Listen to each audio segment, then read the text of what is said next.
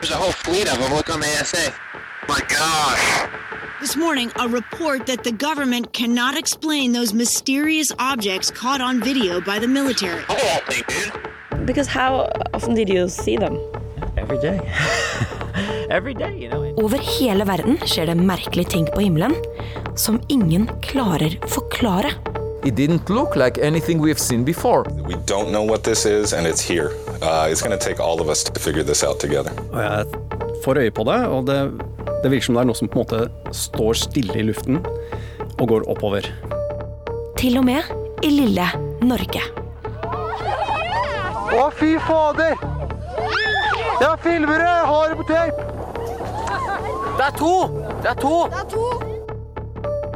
Ufo-observasjoner, hemmelighold og konspirasjonsteorier finnes ikke bare på film. Mr. Secretary, four of the five objects landed in the Pacific We're Ocean. looking at the very real possibility that this is legitimate extraterrestrial contact. Hvem kan være der ute? Og hva hvis noen allerede har besøkt oss? And I imagine a future where we just simply have routine access to space. We are not alone.